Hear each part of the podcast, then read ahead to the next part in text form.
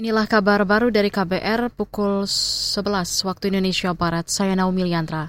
Presiden Joko Widodo menyoroti harga bahan pokok yang berbeda-beda di tiap daerah.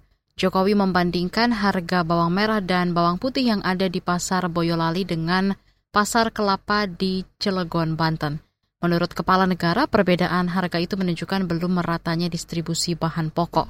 Jokowi menyampaikan hal itu usai meninjau Pasar Kelapa di Cilegon kemarin.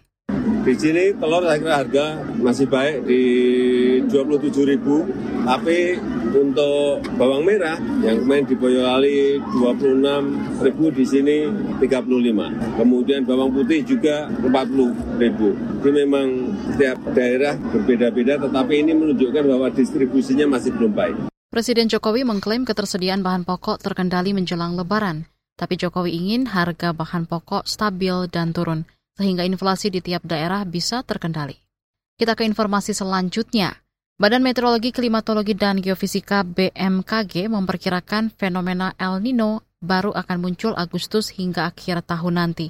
El Nino merupakan pemanasan suhu muka laut yang bisa memicu kekeringan di sejumlah wilayah. Kepala Subidang Produksi Informasi Iklim BMKG, Siswanto, mengatakan El Nino bisa berdampak pada aktivitas pertanian.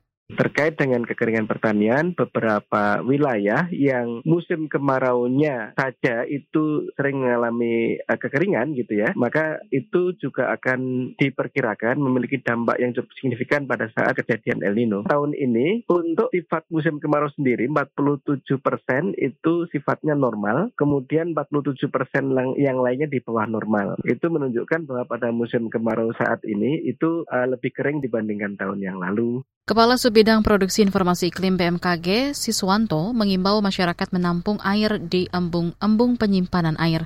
Tampungan air hujan itu bisa bermanfaat saat musim kemarau panjang terjadi.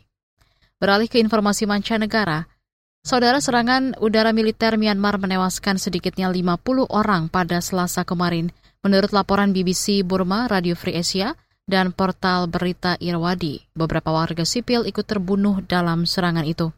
Juri bicara militer Myanmar belum memberikan pernyataan resmi terkait serangan ini. Sejak kudeta militer pada 2021 lalu, junta Myanmar kerap menindak kelompok-kelompok milisi dan pemberontak melalui serangan udara dan senjata berat.